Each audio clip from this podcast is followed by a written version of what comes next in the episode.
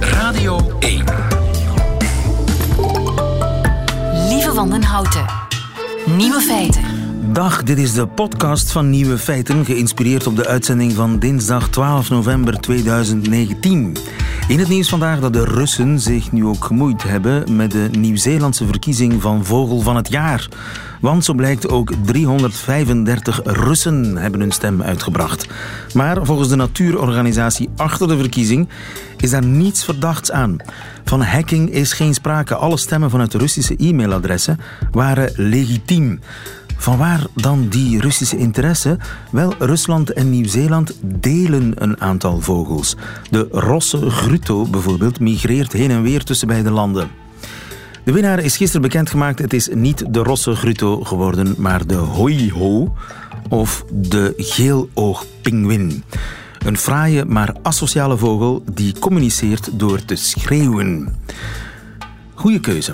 De nieuwe feiten vandaag. Pijn kan veroorzaakt worden door te veel pijnstillers. Zelfs millennials kennen de popmuziek van vorige eeuw beter dan de recentste hits. Het ideale aantal punten is niet 10 op 10, maar 8,5. En de missing link tussen aap en mens is misschien gevonden, meer bepaald in Beieren, Duitsland. De nieuwe feiten van Katrien Zwartenbroeks hoort u in haar middagjournaal. Veel plezier. Radio, Radio 1. Nieuwe feiten. Kennelijk kun je pijn krijgen van te veel pijnstillers. Goedemiddag, Koen Pamelaire. Goedemiddag. U bent neuroloog aan de Universiteit van Gent, het UZ in Gent. Met name migrainepatiënten nemen soms te veel pijnstillers, waardoor ze extra hoofdpijn kregen. Dat wist ik niet. Ja, dat is een, een, een concept dat men in het Engels medication overuse headache noemt, of hoofdpijn door te veel pijnstillers. En dat is eigenlijk helemaal niet zo zeldzaam. Uh, men schat dat uh, wellicht 1 op 100 van de bevolking aan een vorm van medication overuse headache leidt.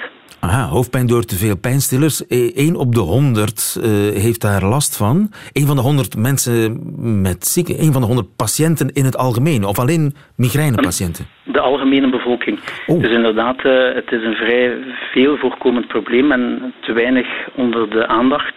En in het bijzonder, migrainepatiënten zijn er vatbaar voor. Dus het gaat om een soort bijkomende hoofdpijn die iemand ontwikkelt door het nemen van pijnstillers. En dat is typisch voor een onderliggende hoofdpijn, zoals migraine. Ja, ja dus dat vooral migrainepatiënten hebben er last van. Maar eigenlijk, om heel duidelijk te zijn, van alle 100 mensen, ziek of niet ziek, hebben 1% ja. last van pijn door te veel medicijnen. Ja.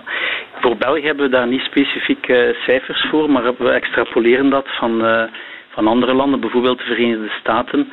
Uh, waar het zelf mogelijk tot 2% van de bevolking oploopt. Het uh, hangt ook af uh, ja, hoe men met pijnstillers omgaat in een bepaalde maatschappij. En in de VS is dat natuurlijk nog Daar meer. slikken ze à volonté pijnstillers. Je kunt die gewoon in de supermarkt krijgen, bij wijze van spreken. Niet alleen bij wijze van spreken, letterlijk. Letterlijk, ja. Maar met name migrainepatiënten zijn daar zeer vatbaar voor. Hoe kan dat? Het zijn niet alle migrainepatiënten die er vatbaar voor zijn. Het is eigenlijk een soort subgroep. En men is nog aan het uitzoeken wat wel bepaalde migrainepatiënten dan echt vatbaarder maakt dan anderen. Uh, maar dat heeft daar eens een farmacologische reden. Dus uiteindelijk als je een pijnstiller inneemt, gaat hij op bepaalde uh, systemen inwerken. En als je dat te frequent doet, kunnen die dus verder ontregeld geraken, waardoor er meer hoofdpijn ontstaat. Paradoxaal eigenlijk. De patiënt heeft dat ook meestal niet door. Ja, en gaat het dan om de klassieke pijnstillers, paracetamol en aanverwanten? Het gaat eigenlijk over alle pijnstillers die voor uh, hoofdpijn gebruikt worden. Paracetamol, daar is het zeker mogelijk, maar ook de ontstekingsremmers of de triptanen, dat zijn dan echt middelen die voor migraine bedoeld zijn. Uh, opiaten, dus de codineachtigen, uh, daar moeten we ook zeker goed mee opletten. En die zijn gelukkig minder in, in zwang bij ons. Maar bijvoorbeeld in de VS weet u van de opiatencrisis. Um, dus nee, elke vorm van pijnstilling voor hoofdpijn kan bij overgebruik bij gevoelige individuen meer hoofdpijn veroorzaken. Ja, veel patiënten weten dat niet, hè? Nee, dat klopt. Als ik daar iets mag tussen gooien, we hebben nooit eens met de collega's van de farmacie in een 150-tal Belgische apotheken daar een bevraging rond gedaan. Dus mensen die regelmatig hoofdpijn hadden en pijnstillers gingen halen daarvoor. Bleek dat eigenlijk maar 15% van de personen die die apotheken binnenstappen op de hoogte zijn van dat concept ooit ook het advies heeft gekregen om pijnstillers te beperken. Ja. Dus artsen zijn zich daar niet voldoende van bewust, apothekers misschien ook niet. Uh, vanaf wanneer kom ik in de gevarenzone? Ik weet dat dat een onmogelijke vraag is, maar, maar nee, is echt. Uh, men heeft daar, uh, daar is een stukje consensus rond. Dat is niet altijd keiharde evidentie, maar men zegt eigenlijk voor sommige middelen vanaf 10 dagen per maand bij andere 15 dagen per maand.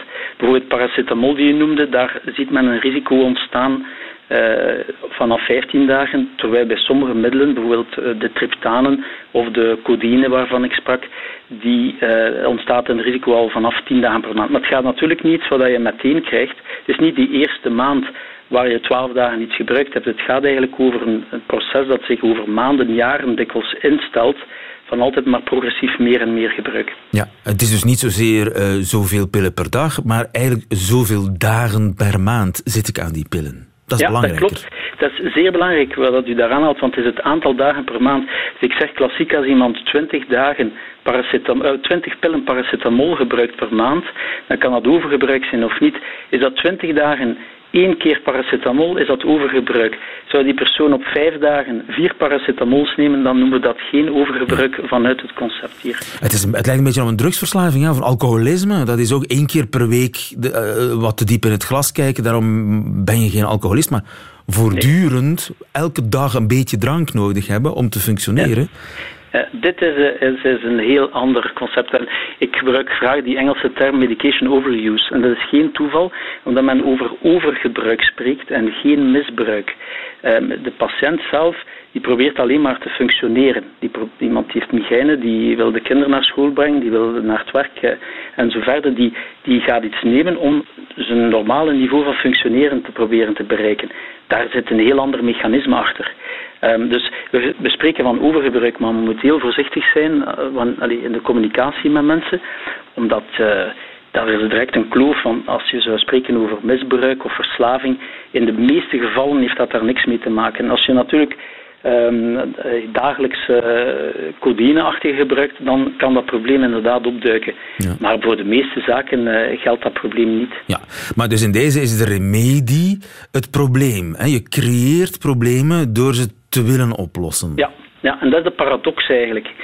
Um, dat, men, dat men iets wat in feite heel, heel zinvol is. Ik, ik noem iets een, een voor migraine, heeft het leven van veel mensen veranderd. Maar dat datzelfde geschenk, bij wijze van spreken, ja, dat een beetje vergiftigd wordt wanneer, dat, uh, wanneer dat je dat dan voor 20 dagen per maand gebruikt. Ja. Dus uh, goed opletten, goed overleggen met uh, je arts. Artsen moeten dat misschien ook meer gaan doen, meer gaan waarschuwen. Dat klopt, dat is, dat is een feit. Eigenlijk bij elke afleveren van een voorschrift voor een pijnstiller, voor een hoofdpijnleider, zou inderdaad het advies moeten komen van kijk, we gaan nu aan om dat maximum twee dagen per week te gebruiken. Uh, en op die manier, als mensen dat niet kunnen, dan moet men bijvoorbeeld eh, preventieve behandelingen overwegen die juist bedoeld zijn om dagelijks te nemen en om het aantal hoofdpijndagen te verminderen. Ja, ja, en, en die, inderdaad. En die preventieve, daar kun je geen, geen overload van nemen. Ik bedoel, die, zijn, die zijn juist bedoeld om continu te ja. nemen. Maar uh, als, als je dan dat probleem hebt, als je aan die overuse leidt en dus uh, door eigen pilgebruik geïnduceerde hoofdpijn hebt, uh, is het dan, moet ik dan een, een afkicken? Nou, dus dat woord gebruik ik persoonlijk niet. Als het over codeïne-overgebruik gaat, dan kun je dat uh, als een soort afkicken eventueel zien. Maar uh, wij noemen het eerder een ontwenning of een withdrawal in het Engels. En daar zijn verschillende methodes. Ik kan u zeggen, heel wat mensen hebben de reactie, ah, ik, ik, ik ben niet op de hoogte van dat probleem. Ah, Oké, als u mij zegt van ik moet mijn pijnstillers beperken, dan ga ik dat gewoon doen. Dus een eenvoudig advies kan soms al volstaan. Um, en dat advies uh, kan wat wisselen van, en daar is nog geen definitieve uh, uitsluitsel, maar voor sommige mensen kan het gewoon voldoende zijn om te zeggen, kijk, beperk u tot twee dagen per week. Voor andere patiënten kan het eerder zijn van een echte periode van geen pijnstillers invoeren. Eh, twee, vier weken of soms zelfs wat langer. Ja, een soort cold turkey, zeg maar. Ja, en dan bij codinovergebruik zal je eerder naar een afbouwschema moeten gaan. Dat allemaal in overleg natuurlijk met je arts of apotheker. Dankjewel, Koen Pameleren. Graag Goedemiddag. gedaan. Goedemiddag. Radio 1. Nieuwe feiten. Oor in, oor uit de popmuziek van tegenwoordig. Zelfs de twintigers kennen de hits uit moederstijd beter dan die van vandaag. Goedemiddag, Jeroen Doe. Goedemiddag, lieven. Jeroen, je bent popprofessor aan de Universiteit van Leuven. En Klopt. ik moet zeggen, er is geestig onderzoek gedaan in New York, waarbij twintigers fragmenten te horen kregen van popmuziek van de voorbije 70 jaar. Vooral nummer 1 hits kregen ze te horen. Mhm. En wat blijkt uit die studie? Ja, ik kan vermoeden dat die eh, songs die van eerdere generaties zijn, zelfs van voor hun tijd, ehm, meer potentieel in zich hebben om onthouden te worden. Dus om deel uit te maken van het pop-erfgoed. Ja, het blijkt dus dat zelfs de twintigers de hits van na 2000 al vergeten zijn, terwijl ze de hits van vroeger, toen ze er nog niet waren of toch niet bij bewustzijn waren, die hits van vroeger, die herkennen ze wel meteen. Ja, dat is iets wat mij eigenlijk niet verbaast. Eh, als je kijkt naar dus, ja, de twintigers nu, dan hebben we het over de laatste twee decennia. Dat is precies eh, de tijdspanne waarin de popmuziek enorm veranderd is onder invloed van het eh, samplen. Dus de samplingtechniek heeft het mo- mogelijk gemaakt om, om eigenlijk songs te maken op basis van korte klankfragmenten. En wat er voor eh, 2000 vooral gebeurde, was dat een componist en een tekstschrijver, of soms was dat verenigd in één persoon, eigenlijk vertrok van een vondst, van een heel bijzonder stukje tekst en of muziek. En dat maakte eigenlijk de herkenningsfactor van een song uit. Aha. We zullen een kleine test doen. We hebben een, een millennial bij de Lurven gevat. Klopt. Dag, eh, dag Maxime, Vri- of Max Vrijens. Ja, Max is goed. Max, je bent van de redactie van Sophie. Eh, hoe oud ben jij, Max? Ik ben 28 jaar. 28. Proefkonijn Max mag ik je vanaf nu noemen. Herken zo snel mogelijk deze nummer 1 hits. Say hello, hello, hello. De Beatles. eh, Beatles. Hello, hello. En de titel? eh, ja, hello, hello. Je, zegt goodbye. Hello, goodbye. Ik, goodbye. ik reken het goed. Eh, Moulin Rouge, de, Voulez-vous coucher avec moi, dat is... Oh, Ja, voulez-vous coucher avec moi? Klopt. het- Maar dat het is niet... Lady. Marmalade. Lady Marmalade van Label. wat is dit? Mooi nummer, daar niet van. Hè? Je kent het? Ik, ik, ik denk het niet eigenlijk. Aha. Welke was dit? We zaten in 1980. De voorbije twee fragmenten kwamen uit de jaren 60 en 70. Dit is 1980. The Ik- ik- tide is high. na, na, na. Ah, ja, ja, ja, die ken ik wel. Die ken ik wel. Ik, ik weet de titel alleen niet. Eh, Lieve, sorry. The tide is high van, Tide is... eh, nee, nee. van Blondie, maar het, het- het- two,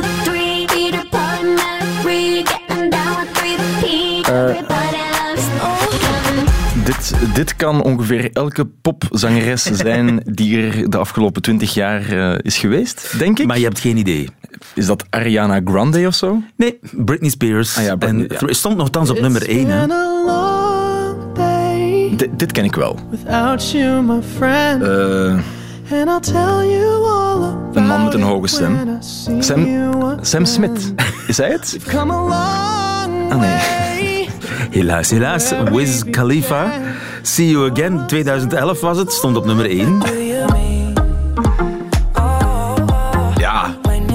Dat is, dat is Justin Bieber toch, hè? Justin Bieber. Die ken ik wel. Maar het, het- de titel ken je niet. Nee, nee. Iets met... eh, is het what, what Do You Mean? What do you mean, Ja. Justin Bieber? Je hebt dus één op de drie van de post-millennial, laten we zeggen de, de nummers na 2000 heb je geraden. En twee van de drie uit de periode toen jij nog niet eens geboren was. Of in elk geval niet bij bewustzijn was. Ja. Jaren 60, jaren 70. Verwonderlijk. Dan was je niet eens geboren in 1975, 1967. Dan Nee, ik was nog niet eens een glinstering in de was- ogen van mijn vader, denk ik.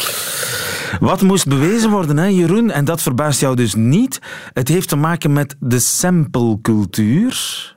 Nieuwe ideeën zijn niet Ja. meer nodig, je recycleert oude ideeën. Dat ook, ja. En het maakt vooral eh, mogelijk dat met eh, beperkte bouwstenen eigenlijk eh, volledige songs eh, gemaakt worden die dan heel repetitief gaan klinken. En als je kijkt naar verschillende eh, artiesten zoals Beyoncé, Britney Spears, eh, Rihanna enzovoort, daar zijn songs van te vinden die exact dezelfde wat men noemt backing track eh, gebruiken. Dus de backing track is eigenlijk al wat je hoort buiten de zangstem van de artiest in Is dat zo? Dus de backing track, de, dus de muziek zelf, zeg maar, wat je in de karaokebar zou horen, dat is Ja. identiek. Ja, van sommige songs. eh, en dat, dat, is een, dat is een productietechniek die wijd verspreid is geraakt. Maar daar toch een klein 20 beetje jaar. aan gesleuteld, nee? Ja, soms is dat echt, echt letterlijk hetzelfde. Daar zijn artikels over geschreven. ehm, ja, eh, over dus, de, dus een vergelijkende analyse van die songs. Die, voor een publiek bevatten die nog vers- eh, voldoende verschilpunten vanwege de Het tekst. valt vanwege niet de... zo op, maar muzikologen Ja. laten zich natuurlijk niet in het ootje nemen. Die herkennen het onmiddellijk. Eh, Dus Ja. heeft het te maken dat de muziek van tegenwoordig, de popmuziek van tegenwoordig, voor mij is Ja. bezig, ik lijk wel een Jagger, dat die eh, meer ritmisch is, meer naar een coole sound neigt, naar een, een lekkere beat. En dat is klaar, dat is voldoende.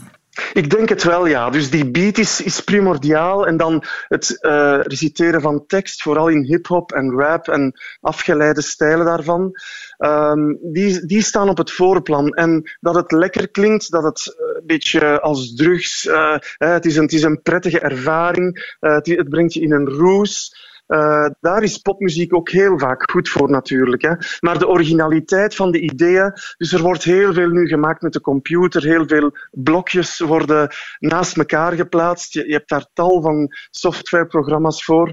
En daardoor, ja, dus ga je ook zien dat de mate van creativiteit, Ja. van, van een vondst te ontwikkelen eh, en, en daar een hele song rond te bouwen, dat dat type van creativiteit dat dat eigenlijk vervangen is door een ander soort creativiteit. Ja, ja, het is meer, Het is meer knoeien het- met computers. En, en Ja, een, een, en- een en- beetje lekkere sound creëren, een mood.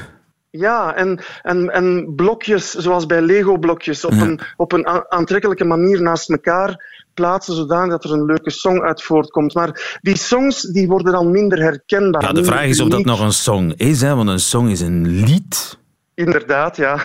Dat is een Die- melodie. die- Ja, die fundamentele vraag kan je stellen. En dan, eh, wel, je legt me eigenlijk de woorden in de mond, want dat is ook mijn reflex als we bij deze discussie eh, stilstaan en kijken naar het verleden en Hello Goodbye en The Tide is High. Wat hebben die liedjes? Die hebben een zogenaamde hoek, hè, om even een jargonterm te gebruiken. Dat is eh, het Engelse woord voor haak, hoek. En dus je hebt eigenlijk beet. Als je een sterk stukje melodie gekoppeld aan tekst hebt, eh, ja, dan heb je een publiek vast. En ja, bands als la, la, la, ook... Dat is een ook. Ja, inderdaad. Sorry, en dat stamt, eigenlijk van, dat stamt eigenlijk van de songwritingcultuur van van de eerste helft van de 20e eeuw, vooral op Broadway. Het zogenaamde American Songbook, zoals het nu geno- eh, ja, genoemd wordt. En, En dus En vroeger zaten popmuzikanten die een nieuw, nieuw werk wilden maken, die trokken zich terug in een, een of andere hut. Liefst eh, in een bosrijk gebied. En die zaten de hele dag door te jammen. Op piano, op gitaar. En dan passeerde er plotseling een hoek. En dan pakten ze die hoek vast. En dat was dan bijvoorbeeld Dancing Queen. Inderdaad, ja, mooi voorbeeld. Ja, ABBA En- is bij uitstek ja, een band met in elk liedje zit een ongelooflijke hoek. Ja, Ja, en soms zelfs meer dan één. Hè. Maar eh, zijn, de, Inderdaad. zijn de muzikanten van vandaag lui geworden? Of zijn de melodieën gewoon op? Goh, er, er zijn natuurlijk eh, nog artiesten bezig die, die echt heel melodisch denken, hè, op, een, op een traditionele manier. Maar de melodieën, Uh, die, die, ik zou nooit zeggen dat melodieën op zijn. Het is gewoon een andere benadering. Men denkt vooral vanuit die beat, vanuit die sound, vanuit die samplingcultuur. Ja. En dat is eigenlijk een, een idioom op zich geworden, zou je kunnen zeggen. Ja. Dat naast het oude Moeten we dat nu betreuren? Want de Evergreens, eh, Evergreens zal dat niet opleveren, hè? dat gebliep en dat gepingel op computer. nee, nee, nee, dat is inderdaad zo. Er blijft heel weinig echt hangen voor de toekomst. Daar ben ik ook echt van overtuigd. Het gaat allemaal ook heel snel. Hè. Bands brengen om de drie, vier maanden soms een nieuwe plaat uit. Dus dat zorgt ook voor een, een soort van eh, overvloed aan nieuwe songs of nieuw muzikaal materiaal. Ja, dus het is meer vroeger- kwantiteit dan kwaliteit. Ja, door de band genomen wel, denk ik. Ja. Heeft dat met dat er Spotify te maken en streamingdiensten? Wellicht is het eraan gekoppeld, ja, omdat muziek eh, globaal gegaan is en, en ook overal instant bereikbaar en beschikbaar is. Ook dat zorgt voor een snelheid. Eh, vroeger kocht je een plaats met je spaargeld en je ging daarbij zitten. En, en je bracht de namiddag door door een aantal keer die LP op te zetten. Hè. Eh, ook een A- en een B-kant. Het, het, het, ja, je leven stond stil als je die plaat Juist. voor het eerst hoorde. En dat gevoel gaat ook eh, een beetje verloren door al die veelheid en snelheid, denk ik. Juist, en, en dat, dat, die lekkere sound die is vanaf seconde één lekker. Je hebt niet een paar luisterbeurten nodig om te ontdekken dat het eigenlijk een geweldig liedje is. Ja, dat is ook vaak een, een echt kenmerk van, van grote kwaliteit, dat het pas na een tweede, derde, vierde beluistering echt doordringt. Ja. Want veel, veel van die kwaliteitsvolle popmuziek, denken we aan de Beatles of, of de Police of ABBA of wat dan ook, van vroeger, die, die hadden echt meerdere lagen. En je kan dat niet vatten bij één beluistering. Komt het nog terug, meneer de professor? Ik ben ervan overtuigd, absoluut. Grote talenten staan telkens opnieuw op en zoeken naar, naar diepgang. Bijvoorbeeld eh, wat Kendrick Lamar nu doet, dat is gewoon van een geniaal niveau. Het album How to Pimp a Butterfly, dat is, dat is al een klassieker. Er is Dat nog hoop. die- Natuurlijk, natuurlijk. Ja, Jeroen, doe. Het was niet allemaal beter vroeger, maar toch wel veel. Dank je. Goedemiddag. Graag gedaan. Goedemiddag, bedankt. En dank je wel ook, Max. Alsjeblieft, eh, lieve. Nieuwe feiten. Wie zeer aandachtig heeft zitten meeluisteren, is eh, parttime muzikant Pedro de Bruikere. Goedemiddag, Pedro. Goedemiddag. Boeiend, hè, over die songs. Jij bent niet alleen pedagoog, zowel in Gent als in Leiden, maar je bent ook een beetje muzikant, hè? Ik probeer er nog altijd te zijn, ja. En eh, ja, dat het over ABBA ging, was mij niet ver, verwonderde mij niet. Want zij zijn natu- natuurlijk de kampioenen, die hadden ze geloof ik zelfs de vijfhoekregels. Vijf Dat er hoeks in- per song. Ja, Ah, die moeten we, dat moeten we ooit eens proefondervindelijk eh, gaan uittesten. Maar het klopt dat de ABBA-songs vol hooks zaten. En dat is natuurlijk ja, pure arbeid hè, om zo'n song te maken. Dat, is niet te- dat kun je niet aan een computer met eh, gepingel en gepriemel. Maar hoe heet jouw band overigens? Blue and Broke. Blue and Broke. En jullie maken ook echt liedjes, hè? Geen computer voor jullie, hè? Eh, nee, daar, eh, bij dingen die ik anders doe, is het met computer, maar voor Blue and Broke doen we het eigenlijk zeer ambachtelijk. Eh, zelfs geen synthesizers zijn toegelaten. Maar Pedro, ik heb jou aan de Skype omdat het ideale puntenaantal is becijferd door jouw eh, collega's aan de Universiteit van Arizona. Het ideaal, want ik dacht altijd, de ideale punten, dat is gewoon 10, 10 op 10. Dat is het beste. Maar dat is eigenlijk niet helemaal waar. Want als uw kind altijd 10 op 10 haalt, dan mag u heel trots zijn op uw kind. Maar er is eigenlijk wel een probleem. Het kan zijn dat het kind niks leert op dat moment, omdat het allemaal te makkelijk is. In feite, we weten al heel lang, dat gaat terug tot Vygotsky, dat ehm, je een soort van zone van naaste ontwikkeling, of beter zone van naaste leren hebt. Namelijk, iets mag niet te makkelijk zijn, want dan begint het saai te worden. Eh, en iets mag niet te moeilijk zijn, want dan haak je af. En dus we weten dat er een soort van uitdaging moet zijn, waardoor je ook een, een goed gevoel krijgt als je de uitdaging overwint. En nu hebben ze met eh, computermodellen proberen te berekenen ja, hoeveel fouten moet je maken om uitgedaagd te blijven worden. En men komt uit op ehm 15,87, maar ze ronden het dan af, 15% fouten die je moet 15% maken Fouten. Dus en 85% juist. ideale cijfer is dus 85 Dan, is, Ja, nu- dan zit je echt perfect. Ja, en een, een andere term die vandaag ook vaak gebruikt wordt, eh, mensen zijn in de flow, zodat je het gevoel hebt van, kijk, ik ben hier echt aan het vooruitgaan, de flow. Hè? En, en ja, daar zou die 15% fouten, 85% slagen ook spelen. Ik ben wel voorzichtig, moet ik eerlijk bekennen. Ehm, ze hebben het bekeken met computermodellen. En ze hebben gekeken op oefeningen waarbij dat je in feite eh, moest kiezen, is het nu A of B? Bijvoorbeeld, ik zeg maar iets, ze vergelijken het zelf met een expert, eh, een dokter. Is het tumor, is het geen tumor? Die dingen herkennen. En in het leerproces voor alle duidelijkheid. En ze hebben het ook gekeken bij dieren. Maar ze hebben het niet bekeken, ze hebben dus bij computer en bij dieren bekeken, maar ze hebben het niet bekeken bij mensen zelf. Oh, dus dat, dat eh, ideale puntenaantal van 8,5 op 10, dat is een gok. Het is een, nee, het is een zeer goed onderzochte, beredeneerde gok. En ze zeggen ook van, kijk, dit is heel interessant om verder te kijken van ja, wat dat heel veel leerkrachten al aangevoeld hebben van er moet een bepaalde hoeveelheid uitdagingen zijn. En ook bijvoorbeeld bij online leren, waarbij dat je dingen automatiseert. Misschien moeten we nu meer en meer onderzoek doen, waarbij we die 15% foutenmarge dat we daar constant nastreven bij mensen om op die manier hen te laten leren. En daarvoor is dit onderzoek zeer, zeer interessant, omdat het ons verder zet om verder mee te experimenteren dan bij echte leerlingen. Ja, maar dus als mijn kind systematisch meer heeft dan 85%, dan moet ik eens checken, misschien heeft hij het te makkelijk. Ja, en dat is iets dat je ook meer en meer hoort. Dat je zegt van, kijk, als, leerkracht, als leerlingen het heel de tijd zeer goed doen, ja, dan kunnen ze misschien ook wel ietsje meer aan, om ook weer een soort van succeservaring te hebben. Dat kan een piste zijn. Dankjewel Pedro de Bruikere, goedemiddag. Nieuwe feiten. Waar en wanneer hebben we, of onze voorouders, geleerd om rechtop te lopen? Niemand die het met zekerheid kan zeggen. In Afrika ergens, dacht ik altijd, een paar miljoen jaar geleden. Maar nu blijkt dat het ook veel vroeger zou gebeurd kunnen zijn.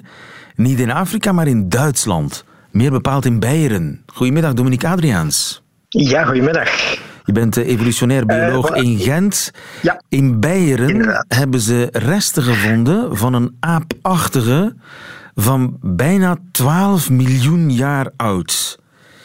Wat is daar bijzonder Ja, aan, die, aan die resten van die 12 miljoen jaar oude aapachtige wel, in is dus Beieren? een, een, een, een, een fossiele mensaap. Dus mensapen, dat is die groep van primaten waar eh chimpansee, gorilla, orang-oetang en zo toe behoren.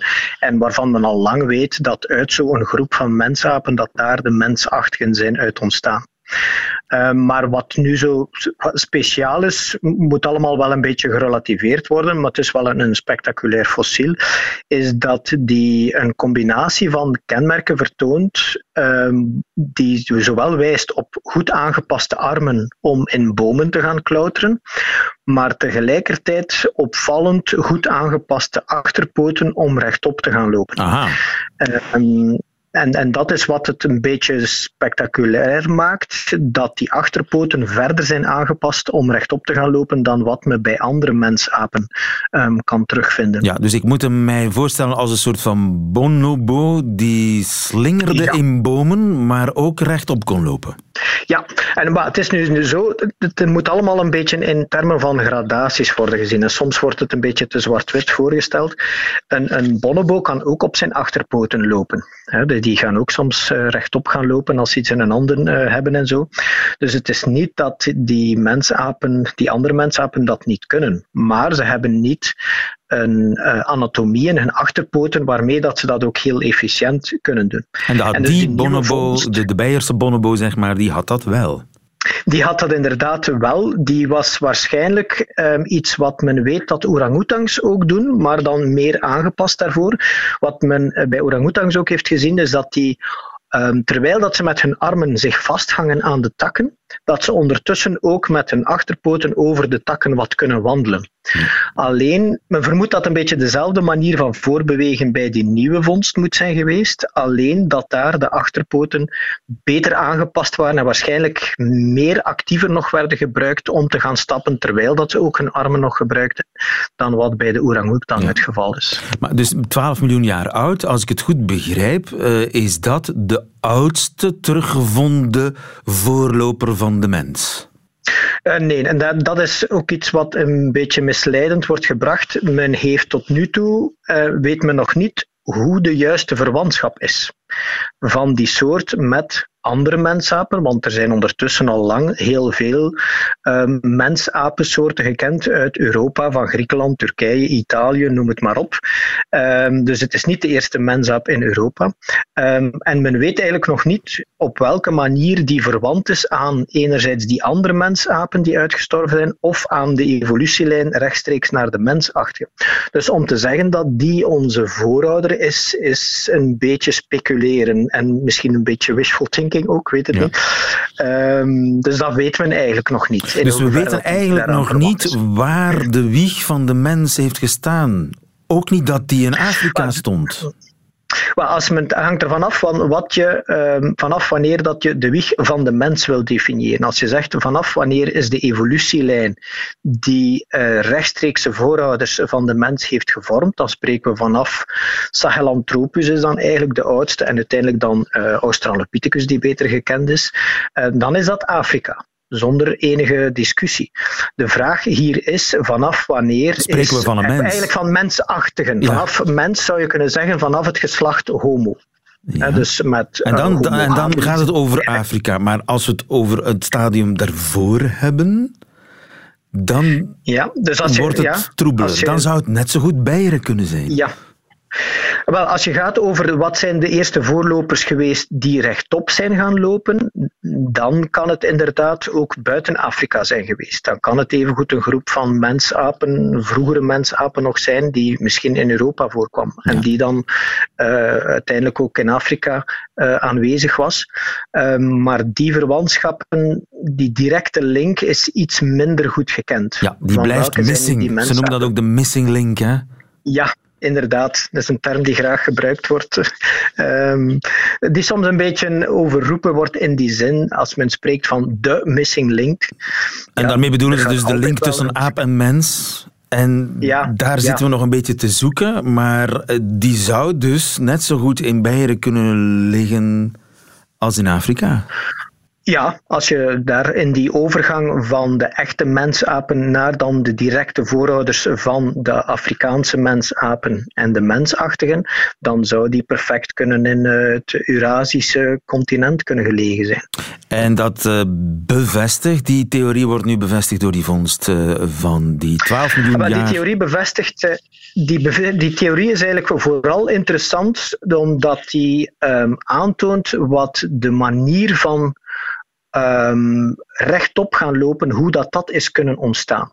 Namelijk via een fase waarbij de, de, de, de, onderzoekers die dat bestudeerd hebben, noemen dat zelf extended limb clambering. Wat dus eigenlijk wil zeggen van uitgebreid klauteren met de ledematen. Um, dat, dat, is een manier van voorbeweging is waarbij dat de voorouders daarvan, hè, dat is geweten, mensapen zijn wat men noemt brachiatorische slingeraars. Die slingen hoofdzakelijk met hun armen.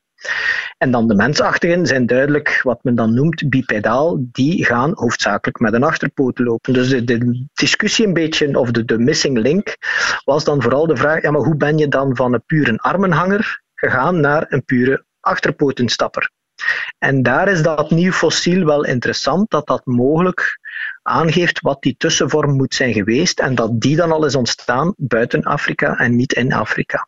Spectaculair nieuws uit da, die een nieuw licht kan werpen op de evolutieleer. Dankjewel Dominique Adriaans. Goedemiddag. Graag gedaan. Goedemiddag. Nieuwe feiten. Dat waren de nieuwe feiten van vandaag, 12 november. Behalve die in het leven van Katrien Zwartenbroeks. Nieuwe feiten. Middagjournaal. Ik ben op zoek naar een nieuwe supermarkt. Niet omdat het assortiment van mijn huidige winkel me niet bevalt of omdat er een vreemd geurtje hangt. Nee, ik ben op zoek naar een nieuwe supermarkt omdat ik er ter hoogte van de reuzengarnalen en de surimi-sticks mijn psycholoog ben tegengekomen. Hij kwam er vast zijn nodige portie omega-3 inslaan, want volgens wetenschappers die beweren dat je je depressie weg kan eten, is omega-3 goed voor neerslachtige gevoelens en angst en ik denk nog een aantal andere dingen, maar die ben ik vergeten. Voor het geheugen dus wellicht ook. Blauwe bessen en donkere chocolade zouden ook mentale wonderen verrichten, net als selder en kurkuma. Ja, ik heb zo'n hippe stadssupermarkt dat je er zowel verse als gedroogde kurkuma kan kopen. Vermoedelijk gaat mijn psycholoog daarom daar zijn boodschappen doen. Ik ga er omdat het het dichtstbijzijnde winkel is en omdat ze open is op feestdagen. Omdat ik er in een oude hoodie door de rekken kan schuifelen op een vergeten dinsdagvoormiddag en ik er niemand hoef tegen te komen tot, ja, nu, mijn psycholoog. Ik weet niet zeker of hij mij herkend heeft. Doorgaans probeer ik voor mijn afspraken met hem beter gekleed te gaan. Een beetje lipstick zelfs, om te laten zien dat ik heus nog wel in de wereld kan staan, zelfs zonder omega-3. Sommige dagen verwijder ik de lipstick vlak voor ik zijn praktijk binnenga, omdat ik niet wil dat hij denkt dat ik een masker opzet. Wanneer ik in therapie ben, lijkt alles onder een vergrootglas te liggen. En nu ik oog in achterhoofd met mijn psycholoog sta, valt de inhoud van mijn boodschappenmandje dezelfde behandeling te beurt. Eieren zijn goed, denk ik. Red Bull lijkt me af te raden en twee flessen wijn terwijl hij weet dat ik alleen woon. Kattenvoer wel van het premiummerk. Ik kan nog wel zorgen, gewoon niet altijd voor mezelf. Ik ben op zoek naar een nieuwe supermarkt, omdat babybelkaasjes me echt heel erg gelukkig maken en ik nog steeds geen studie heb gevonden die me kan uitleggen waarom dat is. Aan mijn psycholoog ga ik het niet vragen.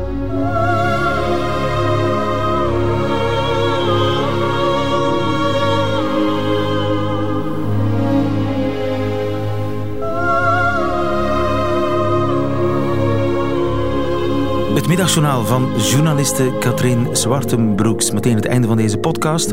Hoort u liever de volledige uitzending met de muziek erbij? Dan kunt u natuurlijk terecht op onze app, de Radio 1-app, of op onze site radio1.be. Daar vindt u overigens nog veel meer podcasts. Tot een volgende keer.